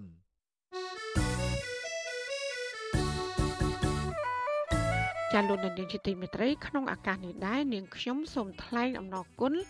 ដល់លោកនាងកញ្ញាដែលតែងតែមានភក្ដីភាព ចំពោះការផ្សាយរបស់យើង ហើយចាត់ទុកការស្ដាប់វិទ្យុអសីស្រីជាផ្នែកមួយនៃសកម្មភាពប្រចាំថ្ងៃរបស់លោកអ្នក។ចាការគ្រប់គ្រងរបស់លោកនាងនេះហើយដែលធ្វើយើងខ្ញុំ មានទឹកចិត្តកាន់តែខ្លាំងបន្ថែមទៀតក្នុងការស្វែងរក និងផ្តល់ព័ត៌មាន សម្រាប់ជូនលោកនាង ចាំមានអ្នកស្ដាប់និងអ្នកទស្សនាកាន់តែច្រើនកាន់តែធ្វើឲ្យយើងខ្ញុំមានភាពស្វាហាប់មោះមុតជាបន្តទៀតចាយើងខ្ញុំសូមអរគុណទុកជាមុនហើយក៏សូមអញ្ជើញលោកដានៀងកញ្ញាចូលរួមជំរុញសកម្មភាពផ្តល់ព័ត៌មានរបស់យើងនេះឲ្យកាន់តែបានជោគជ័យបន្ថែមទៀត។ចាលោកណានៀងអាចជួយយើងខ្ញុំបានដោយគ្រាន់តែចុច ចែករំលែកឬ share ការផ្សាយរបស់យើងខ្ញុំនៅលើបណ្ដាញសង្គម Facebook និង YouTube ទៅកាន់មិត្តភ័ក្តិរបស់លោកណានៀងដើម្បីឲ្យការផ្សាយរបស់យើង បានទៅដល់មនុស្សកាន់តែច្រើនចាសសូមអរគុណចាលោកអ្នកស្ដាប់ជទីមេត្រីចំណែកប្រជាប្រដ្ឋ7គ្រួសាររស់នៅលើកោះទន្សាយក្រុងកែបវិញ មិនសង្ឃឹមថាក្រុមហ៊ុន Tripip Group ជួយលើកកម្ពស់សេដ្ឋកិច្ចរបស់ពួកគាត់ឲ្យមានភាពល្អប្រសើរឡើយចាពួកគាត់សង្កេតឃើញថាការអភិវឌ្ឍរបស់ក្រុមហ៊ុន បានឈូសឆាយធនធានព្រៃឈើជីវៈចម្រុះនៅលើផ្ទៃកោះព្រមទាំងមានការរដ្ឋបិទកន្លែងដែលធ្លាប់មានភ្ញៀវទៅកំសាន្តដែលជាហេតុធ្វើពួកគាត់ពិបាករកប្រាក់ចំណូលនិងមានជីវភាពកាន់តែដុនដាប ជាពីរដ្ឋធានី Washington លោកជីវតាមានសេចក្តីរាយការណ៍ជុំវិញរឿងនេះដូចតទៅរមណីយដ្ឋានកោះទុនសាយដែលមានចម្ងាយប្រមាណ7គីឡូម៉ែត្រពីកំពង់ផែក្រុងកែបបច្ចុប្បន្នកំពុងរងការឈូសឆាយធនធានជីវៈចម្រុះដីព្រៃដីកោះដែលធ្វើឲ្យបាត់បង់សម្រស់ដើមជាបណ្ដាបណ្ដាហើយបន្ទាប់ពីមានគម្រោងអភិវឌ្ឍរបស់អង្គការទ្រីភិបត្រូវរើគ្នាជាមួយជនជាតិចិន ប្រែក្លាយតំបន់នោះទៅជាទីក្រុងទំនើបគម្រោងវិនិយោគក្រោមស្លាកអភិវឌ្ឍមួយនេះបានលេចចេញជារូបរាងជាបន្តបន្ទាប់ស្របពេលដែលពលរដ្ឋមិនសប្បាយចិត្តបារម្ភពីការបណ្តេញចេញលែងឲ្យអាស្រ័យផលនៅថ្ងៃអនាគតលើសពីនេះ ពួកគាត់ក៏មិនរំពឹងថាគម្រោងអភិវឌ្ឍបែបក្រុងរណបមួយនេះនឹងជួយលើកកម្ពស់ជីវភាពពួកគាត់ទាំង7គ្រួសារឲ្យមានភាពល្អប្រសើរនោះទេ ដោយសារតែក្រុមហ៊ុនបានបំផ្លិចបំផ្លាញព្រៃឈើជាមលុបបៃតងដ៏ស្រស់ត្រកាលដែលធ្លាប់តាក់ទាញភ្ញៀវអន្តរជាតិបាត់បង់អស់មួយចំនួនធំរួចទៅហើយពលរដ្ឋម្នាក់និងជាអ្នកបម្រើសេវាកម្មភ្ញៀវទេសចរនៅលើកោះទុនសាយប្រាប់អាស៊ីសេរីនៅថ្ងៃទី26ខែធ្នូថាក្រោយពីមានវត្តមានជនជាតិចិនធ្លាប់ចុះសិក្សាពីគម្រោងនិងមានវត្តមានក្រុមហ៊ុនរបស់អ្នកមានអំណាចនៅតំបន់រមណីយដ្ឋានប្រវត្តិសាស្ត្រកោះទុនសាយនេះ បានធ្វើឲ្យចំនួនភ្ញៀវទេសចរធ្លាក់ចុះយ៉ាងគំហុកហើយជីវភាពគ្រួសាររបស់លោកស្រីក៏ធ្លាក់ចុះដុនដាបដែរលោកស្រីបញ្ជាក់ថាដើមហេតុសំខាន់ដែលមិនសូវមានភ្ញៀវមកកំសាន្តកោះនេះដោយសារតែពួកគេពិបាករកកន្លែងស្នាក់លំហែកាយតាមបែបធម្មជាតិនិងដើរលេងកំសាន្តជុំវិញផ្ទៃកោះបានទូលំទូលាយដោយពេលកន្លងទៅនោះទេលោកស្រីក៏មិនសង្ឃឹមថាការអភិវឌ្ឍនៅកោះមួយនេះ នឹងធ្វើឲ្យប្រជាពលរដ្ឋមានជីវភាពធូរធារដែរពពីព្រោះគម្រោងរបស់ក្រុមហ៊ុន ទំនងជាបង្កើតឡើងសម្រាប់ផ្គាប់ចិត្តតែអ្នកមានលុយអ្នកមានអំណាចមកកំសាន្តតែប៉ុណ្ណោះ។ ខ្ញុំនិយាយទៅខ្ញុំអត់សង្ឃឹមថាពួកខ្ញុំនឹងអាចរីកចម្រើនជាងមុនទេដោយសារតែពួកខ្ញុំតូចតាចាស់តូចតាអញ្ចឹងណាហើយពួកខ្ញុំគ្មានលទ្ធភាពមានដើមទុនអីធ្វើឲ្យសាឬក៏គ្មានលទ្ធភាពណាដើម្បីបើកអីមួយឲ្យភ្ញៀវដើម្បីគាត់មកកន្លែងពួកខ្ញុំទេដោយសារពួកខ្ញុំរកទីរាល់ថ្ងៃតាមតម្រៃដែលចំណូលតិចតួចដែលចូលមកយើងទៅក៏បារម្ភដែរបារម្ភខ្លះថ្ងៃក្រោយទៅបាត់បង់ភ្ញៀវដែលធ្លាប់មកកន្លែងទស្សនៈយើងបើកទីតាច់នេះហ្នឹងហើយគាត់អត់អត់មានគ្នាមកកន្លែងហ្នឹងយើងចំណាយដើមទុនពីមុនមកអញ្ចឹងយើងខ្លាចខាតខ្លាចអីចឹងណាស្រដៀងគ្នានេះដែរអាជីវករម្នាក់ទៀតនៅលើកោះទុនសាយលោកស្រីមេស្រីណាតឲ្យដឹងថាពលរដ្ឋទាំងអស់នៅលើកោះនេះនិងភ្ញៀវទេសចរភៀកច្រើនមិនសប្បាយចិត្តជាមួយគម្រោងខ្នាតយក្សនេះឡើយលោកស្រីបន្តទៀតថាកន្លងទៅ ប្រជាពលរដ្ឋទាំង7គ្រួសារតែងតែប្រឈមនឹងការបណ្តេញចេញ ឲ្យឡើងលើគោកជាបន្តបន្ទាប់ពីសំណាក់ក្រុមហ៊ុនចិននិងអ្នកមានអំណាចក្រុមហេតុផលយកទីកោះទាំងមូលនេះដើម្បីអភិវឌ្ឍលោកស្រីអះអាងថាតំបន់រមណីយដ្ឋានកោះទុនសាយនឹងបាត់រូបរាងដើមក្នុងរយៈពេលដ៏ខ្លីខាងមុខដែលធ្វើឲ្យខាតបង់ប្រយោជន៍ពលរដ្ឋម្ចាស់ស្រុកហើយអ្នកដែលចំណេញគឺឈ្មួញជនជាតិចិននិងក្រុមបុគ្គលអ្នកមានអំណាច។ តាមត្រង់ហ្មងកោះទៅតាឈប់ហួរឿងដេញប្រជាជនចេញប្រហែលជា4 10ឆ្នាំហ្នឹងឯងបងតែហ្នឹងមានចិនបងចិនគាត់ចង់វិនិយោគបងភ្ញៀវតែគាត់ចង់ដើរលេងគាត់ចេះមកសាមុនគាត់ទិញហ្នឹងគាត់មិនតាន់វិនិយោគភ្ញៀវទៅបោះតង់បោះអីនៅនឹងបានហ្នឹងបងឥឡូវហ្នឹងលឺសូអធៈលឺសូអីឡានអីក្ដុំក្ដាំងភ្ញៀវក៏អត់សូវមកដែរហ្នឹងកាលពីមុនពេលខែហ្នឹងអីយើងអាចមានភ្ញៀវបានច្រើនណាស់ហើយណាមួយតែភ្ញៀវបរទេសអីតែលឺសូក្ដុំក្ដាំងហ្នឹងគាត់ថាគាត់អត់ចូលចិត្តទេគាត់ថា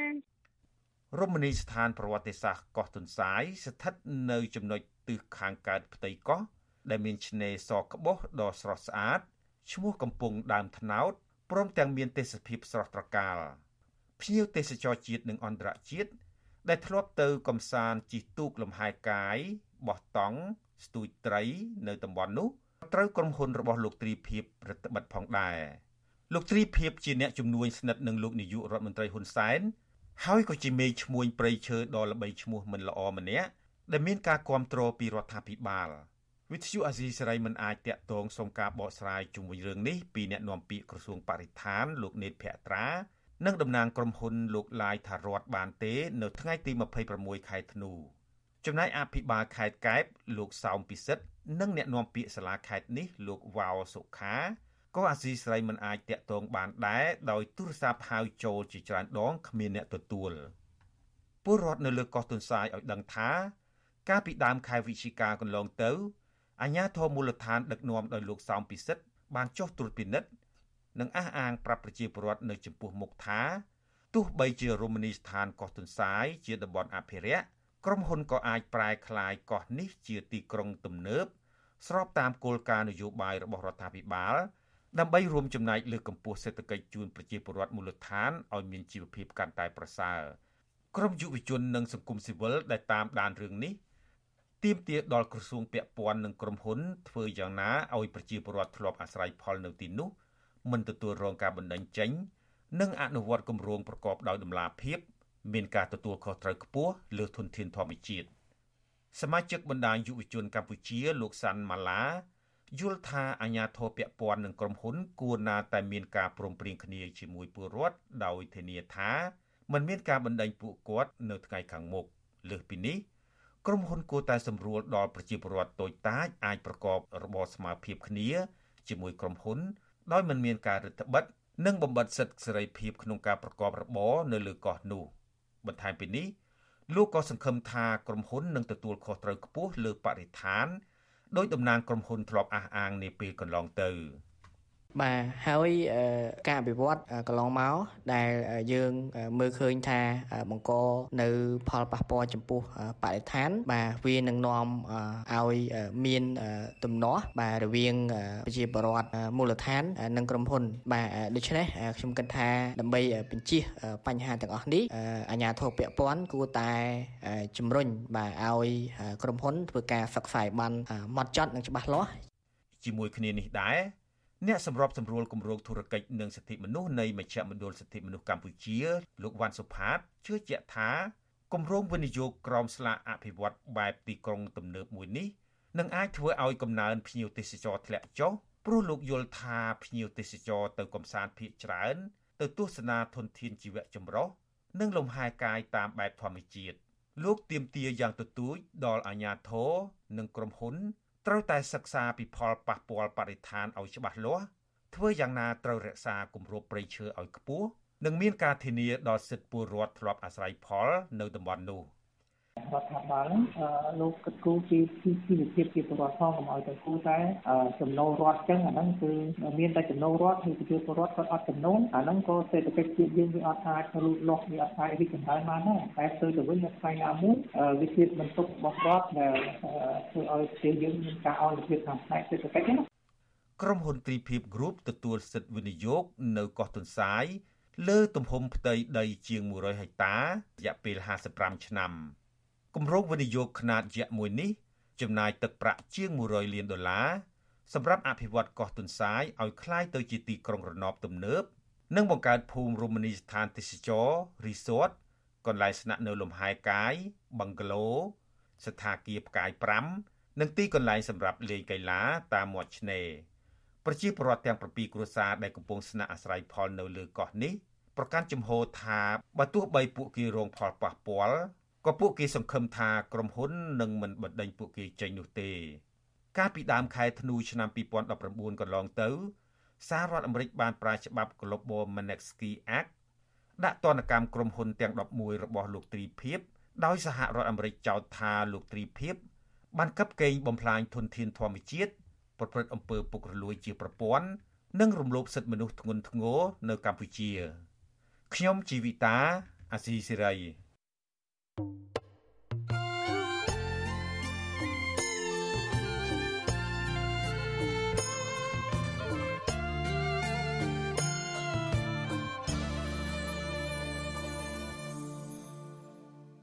ចាលោកអ្នកស្រាប់ជាទីមេត្រីគ្រួសារពលករខ្មែរដែលបេះផ្លែមៀននៅប្រទេសថៃមានជីវភាពលំបាកនិងព្រួយបារម្ភពីសវត្ថិភាព ក្តីព្រួយបារម្ភនេះក្រោយដែលពលករខ្មែរមួយគ្រួសារត្រូវបានថៅកែជនជាតិថៃ បានភូតវាយឲ្យប្តីរងរបួសធ្ងន់កាលពីថ្ងៃទី16ខែធ្នូហើយអាជ្ញាធរថៃនៅមិនទាន់ចាប់ជនល្មើសមកផ្តន្ទាទោសតាមច្បាប់នៅឡើយ។ចាមន្ត្រីសង្គមស៊ីវិលយល់ឃើញថាមន្ត្រីអគ្គកុងស៊ុលខ្មែរនៅប្រទេសថៃ គួរតែតាក់ទងអាជ្ញាធរថៃដើម្បីជួយអន្តរាគមន៍ដល់ពលករទាំងនោះជាបន្ទាន់ ចាសសូមលោកនាងស្ដាប់សេចក្តីរាយការណ៍ពិស្ដាររបស់លោកសនច័ន្ទរដ្ឋាជំវិញបញ្ហានេះដូចតទៅពលករខ្មែរមួយគ្រួសារនេះបានរនៅបែកបាក់គ្នាចាប់តាំងពីថកែថៃបានប្រើអំពើហិង្សាបណ្ដាជនរងគ្រោះរបួសធ្ងន់ធ្ងរដោយបាក់ឆ្អឹងធ្គាមនិងប្រេះឆ្អឹងជំនីជាច្រើនកន្លែង។ជនរងគ្រោះជាប្តីកំពុងសម្រាប់ព្យាបាលជំងឺនៅទីរំខេតច័ន្ទបុរីចំណែកឯប្រពន្ធបន្តបេះផ្លែមៀនទាំងភិតភ័យនៅតំបន់ព្រំដែនក្នុងខេត្តច័ន្ទបុរីជាប់ខេត្តបាត់ដំបងប្រពន្ធជនរងគ្រោះលោកស្រីនងតូន រៀបរាប់ប្រាវិទ្យាអាស៊ីសេរីថាចាប់តាំងពីតកែថៃប្រវីប្តីលោកស្រីរបួសធ្ងន់ហ្មងលោកស្រីមិនសូវបានធ្វើការជាប់លាប់ទេដោយសារព្រួយបារម្ភពីសុខភាពផ្ទាល់ខ្លួនផងនិងបារម្ភពីប្តីនៅក្នុងមន្ទីរពេទ្យផងដោយខ្លាចរបួសប្តីធ្ងន់ធ្ងរមិនអាចធ្វើការងារបានដូចដើមវិញដែលធ្វើគ្រួសារគាត់មានជីវភាពកាន់តែលំបាកវេទនាបន្ថែមពីនេះលោកស្រីមិនតបានជួបមុខប្តីម្ដងណានៅឡើយទេចាប់តាំងពីមានរឿងរ៉ាវមកសពថ្ងៃលោកស្រីធ្វើការងារម្នាក់ឯងបានប្រាក់ចំណូលប្រមាណ200បាន ឬស្មើនឹង6ដុល្លារក្នុងមួយថ្ងៃស្ត្រីវ័យ27ឆ្នាំរំនេះបញ្ជាក់ថាប្រាក់ចំណូលទៅនេះមិនគ្រប់គ្រាន់ដោះស្រាយជីវភាពគ្រួសារទេដោយសារលោកស្រីត្រូវចិញ្ចឹមម្ដាយចាស់ជរា2នាក់និងកូនតូចអាយុ6ឆ្នាំម្នាក់នៅស្រុកខ្មែរផងហើយផ្គប់គងប្តីក្នុងមន្ទីរពេទ្យផង។គេអត់ឲ្យទៅហ្មងគេទោះតែមើលប្តីក៏គេអត់ឲ្យចូលទៅមើលចិត្តអញ្ចឹងដែរណាបងនិយាយរួមទៅខ្ញុំដេកអត់សូវលក់ទេខ្ញុំខ្លាចខ្ញុំភ័យព្រួយខ្លាចគេស្គាល់កន្លែងដេកស្គាល់អីទៀតពួកអីខ្ញុំអត់មានបងប្អូននៅខាងថៃ ព្រួយបារម្ភជីវិតខ្លួនឯងផងហើយភ័យរឿងប្តីផងដោយសារគេមិនទាន់ចាប់ចូលមើលបានអញ្ចឹងណាបងឲ្យបងជួយរយុទ្ធធរឲ្យប្តីខ្ញុំពេលប្តីខ្ញុំចេញពីពេទ្យអញ្ចឹងណាបងប៉ះពាល់ត្រង់ថាពេលប្តីខ្ញុំឈឺទៅការងារអត់ពេញលេញហើយរអត់បានជនរងគ្រោះឈ្មោះថងចិនអាយុ33ឆ្នាំត្រូវបានថកែជាជនជាតិថៃនៅក្បែរកន្លែងធ្វើការរបស់លោកបាននាំពលករ3នាក់យកដងរែកឈើរស័យព្រោះវីឡង នៅក្នុងចំការមានក្នុងឃុំសាតនស្រុកសយដាវក្នុងខេត្តច័ន្ទបុរី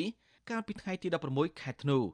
លោកថងជាបន្តថាតកែថៃបានខឹងលងដែលហាមកូនឈ្នួលក៏មិនអត់ឆ្លោះគ្នាជាមួយនឹងពលករខ្មែរមួយក្រុមទៀតនៅក្នុងចំការមានក៏ស្រាប់តែតកែរំនេះបញ្ជាកម្មកររបស់ខ្លួនព្រោះវីឡងបណ្ដាបាក់ឆ្អឹងធ្គាមនិងប្រេះឆ្អឹងជំនីជាច្រើនកន្លែង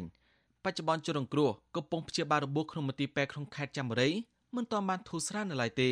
គឺវាកាត់រួចហើយគេវាកាត់ជុំវិញទៅហើយឥឡូវពងតែនិយាយកាត់និយាយចំទៅវិញទៅបាក់គៀមបាក់អីដល់ជិះអីវាកាត់ហើយអស់ហើយពេលគេថាសម្រាប់យូរទីទៀតសម្រាប់ហើយគេអត់ខែទៀតអត់អាចទៅវិញបានគេថាចាំតែលុយតោះទៅអត់អាចប្តឹងគេបានពិបាកទៅពាក់គេមកអីមកទៅពេលយើងប្តឹងខ្លាចតែគេលើយើងវិញហ៎យើងអត់មានលុយកាក់ប្តឹងគេខ្ញុំខ្វះខាតដល់ខ្ញុំឈឺចឹងទៅចណ្ដោចូលខ្ញុំបងអង្ការផងកូនផងមើលម៉ែចាស់ពីរទៀត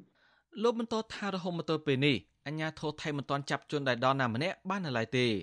ជាងនេះទៅទៀតលោកថាប៉ូលីសថៃបានគម្រាមពលករខ្មែរដែលស្ថិតក្នុងហេតុការណ៍ពើងសានេះនិងគ្រូសាលោកថាប្រសិនបើទៅប្តឹងសមត្ថកិច្ចថៃរកយុត្តិធម៌នោះអញ្ញាធរថៃនឹងចាប់បញ្ជូនពួកគេត្រឡប់ទៅកម្ពុជាវិញឲ្យឈប់ធ្វើការនៅប្រទេសថៃ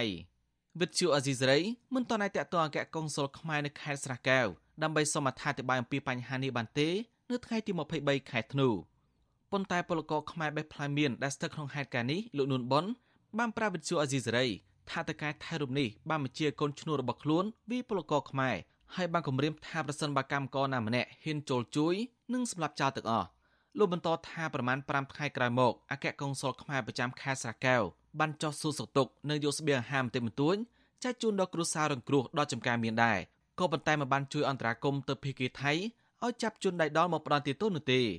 លោកបារម្ភថាការដាញាធរកម្ពុជាមិនជួយដល់ពលករខ្មែរបែបនេះនឹងធ្វើទៅការថៃមិនខ្លាចច្បាប់ហើយអាចវាធ្វើបាបពលករខ្មែរជាបន្តទៀតគាត់ថាបើយើងមានផោះតាំងយើងប្តឹងគេបានបើថាយើងអត់មានផោះតាំងប្តឹងគេបានថាផោះតាំងមានសំបីតែរូបថតក៏ខ្ញុំមានដែរឃើញពលករបបាអញ្ចឹងបើអត់មានជួយពួកគាត់នឹងសួរទៅឲ្យតែពួកគាត់ទៅពឹងពីណាណាសំបីតែអាញាធរថៃក៏គេជាសង្កត់យើងគ្រប់លទ្ធិស័ក គេមកដល់ហើយគេក៏មិនគិតគូរដោះស្រាយឲ្យពួកយើងមកវាយពួកយើងអញ្ចឹងដល់ពេលទៅខាងមុខទៀតបើសិនតែគេមកធ្វើបាបដល់ពួកយើងអញ្ចឹងទៀតពិបាកណាស់ដឹងយើងទៅព្រោះវិធីអ្វីដោះស្រាយបានទេលោកបន្តថាមានពលករខ្មែរប្រមាណ60នាក់ធ្វើការនៅចំការមានលោកធ្វើការស្របច្បាប់ក្នុងនោះមានពលករខ្មែរធ្វើការជុំគ្រួសារដោយរកប្រាក់ចំណូលបានប្រមាណ300ទៅ1000បានឬស្មើនឹង10ដុល្លារទៅ30ដុល្លារក្នុងមួយថ្ងៃ ក៏ប៉ុន្តែចាប់ពីមានការប្រើអំពើហិង្សានេះមកពលរដ្ឋធ្វើការមិនពេញលេញទេដោយសារបារម្ភខ្លាចតកែថៃវិធ្វើបាបទៀតជុំវិញរឿងនេះមន្ត្រីសម្របសម្រួលសមាគមអាត60ប្រចាំខេត្តបាត់ដំបងនិងខេត្តបៃលិនលោកយិនមីលីយល់ថាកែកុងសុលខ្មែរអាញាធរពពន់គួរតែចោះជួយជួយរងគ្រោះនៅក្នុងមន្ទីរពេទ្យហើយប្រមូលព័ត៌មានពីការប្រាប្រាំពើងសារបស់តកែថៃនេះដាក់ប្តឹងទៅអាញាធរថៃដើម្បីចាប់ជនដែលដល់មកផ្ដន្ទាទោសតាមច្បាប់ដោយមិនចាំបាច់ជួយរងគ្រោះប្តឹងនោះទេ ព្រោះបើសិនជារងចាំមិនដឹងបើសិនជាជនរងគ្រោះអត់មានសាច់ញាតិជនរងគ្រោះស្លាប់តើអ្នកណាអ្នកប្តឹងហើយនៅក្នុងរឿងរឿងព្រមត្តននេះច្បាប់ខ្មែរក្តីច្បាប់ថៃដែរខ្ញុំគិតថាมันខុសគ្នាទេអញ្ចឹងមិនបាច់ចាំរងចាំមិនដឹងទេព្រោះវាជារឿងព្រមត្តនបើសិនជារងចាំមិនដឹងមនុស្សស្លាប់តើអ្នកណាអ្នកប្តឹងអញ្ចឹងឥឡូវនេះយើងតំណាងតំណាងប្រជាប្រដ្ឋខ្មែរស្ថានកុងស៊ុលតំណាងប្រជាប្រដ្ឋខ្មែរចុះទៅជួបទៅមិនបាច់រងចាំគាត់ទេក៏បើរងចាំទៅគាត់ស្លាប់នៅមន្ទីរពេទ្យទៅធ្វើម៉េចព័ត៌មានកាន់តែបាត់ប្រភពព័ត៌មានតែទៀតនេះធ្វើឲ្យផលលំបាកឡើងវិញទេកន្លងមកមានពលករខ្មែរជាច្រើនអ្នកត្រូវបានតកែជនជាតិថៃវិធ្វើបាបនៅគម្រាមសម្លាំហើយជ្រើរើយពួកគេកម្រទទួលបានយុត្តិធម៌ណាប្រសិនបើពុំមានអន្តរាគមន៍ពីអាជ្ញាធរខ្មែរនៅអង្គការសង្គមស៊ីវិលនៅប្រទេសថៃ ជាឧទាហរណ៍កាលពីខែធ្នូឆ្នាំ2020មានពលករខ្មែរពីរនាក់ប្តីប្រពន្ធធ្វើការដកដំឡូងមីនៅខេត្តប្រជិមបុរីត្រូវបានតកែថៃយកកំភ្លើងខ្លីបាញ់ឡើងលើមួយគ្រាប់គំរាមសម្លាប់ដោយសារខឹងពួកគេឈប់ធ្វើការហើយសុំត្រឡប់ទៅកម្ពុជាវិញពេលនោះថៅកែថៃបានចោទពួកគេថាជំពាក់ប្រាក់ជិត10000បាតថ្លៃធ្វើលិខិតឆ្លងដែនមិនទាន់សងអស់នៅឡើយទេក៏ប៉ុន្តែពលករខ្មែរអះអាងថាតកែថៃរំនេះបង្ខំឲ្យពួកគេធ្វើការដោយមិនបើប្រាក់ឈ្នួលឲ្យនៅទេ ពលករខ្មែរមួយគ្រួសារនេះបានបីកូនតូចរកកិច្ចទាំងយប់ដោយបារម្ភខ្លាចតកែថៃរំនេះបាញ់សម្លាប់ហើយអាញាធរថៃមិនទាន់ចាប់ជនល្មើសមកប្លន់ទីតោបាននោះទេមន្ត្រីសិទ្ធិមនុស្សលោកយិនមីលីជឿជាក់ថាការប្រាំពើងសារលើពលករខ្មែរបេះផ្លែមៀននេះក៏មិនទទួលបានយុត្តិធម៌ដូចគ្នាដែរប្រសិនបើអាញាធរខ្មែរមិនអន្តរាគមទៅភេកីថៃឲ្យជួយដល់ជនរងគ្រោះនោះទេមិនតែប៉ុណ្ណោះលោកបារម្ភថាមានពលករខ្មែរច្រើនអ្នកទៀតត្រូវតកែថៃវិធ្វើបាមក្នុងពេលពួកគេធ្វើការងារនៅប្រទេសថៃជាមិនខាន ខ្ញុំសនច័ន្ទរដ្ឋាវិទ្យុអេស៊ីសរ៉ៃរាយការណ៍ពីរដ្ឋធានីវ៉ាស៊ីនតោន